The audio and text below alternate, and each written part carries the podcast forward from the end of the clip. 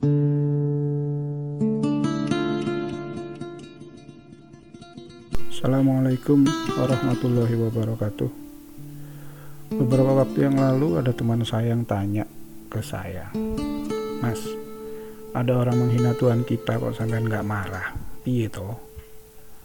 Maka saya jawab, Kang, jujur saja dalam hati aku tersinggung dan marah.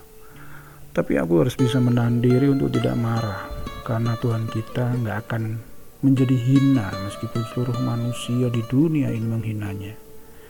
Dia akan tetap sebagai Sang Maha Agung, dia tetap sebagai Yang Maha Kuasa, dan kita nggak perlu membalas mereka dengan cara menghina Tuhan mereka. Mereka-mereka yang menghina Allah itu kan karena mereka tidak benar-benar mengenal Allah.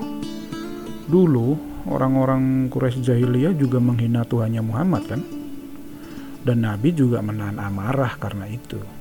Nabi tetap berupaya untuk mengenalkan Tuhannya kepada mereka-mereka yang dulunya menyembah berhala dan api. Seraya berharap kepada Allah agar mereka diberi hidayah. Dan sebagian di antara mereka akhirnya ada yang beriman kan? Ya meskipun ada juga yang masih tetap dalam kegelapan. Lalu teman saya menegaskan pertanyaannya. Jadi beneran nih sampai nggak marah? Enggak kan aku orang nesu.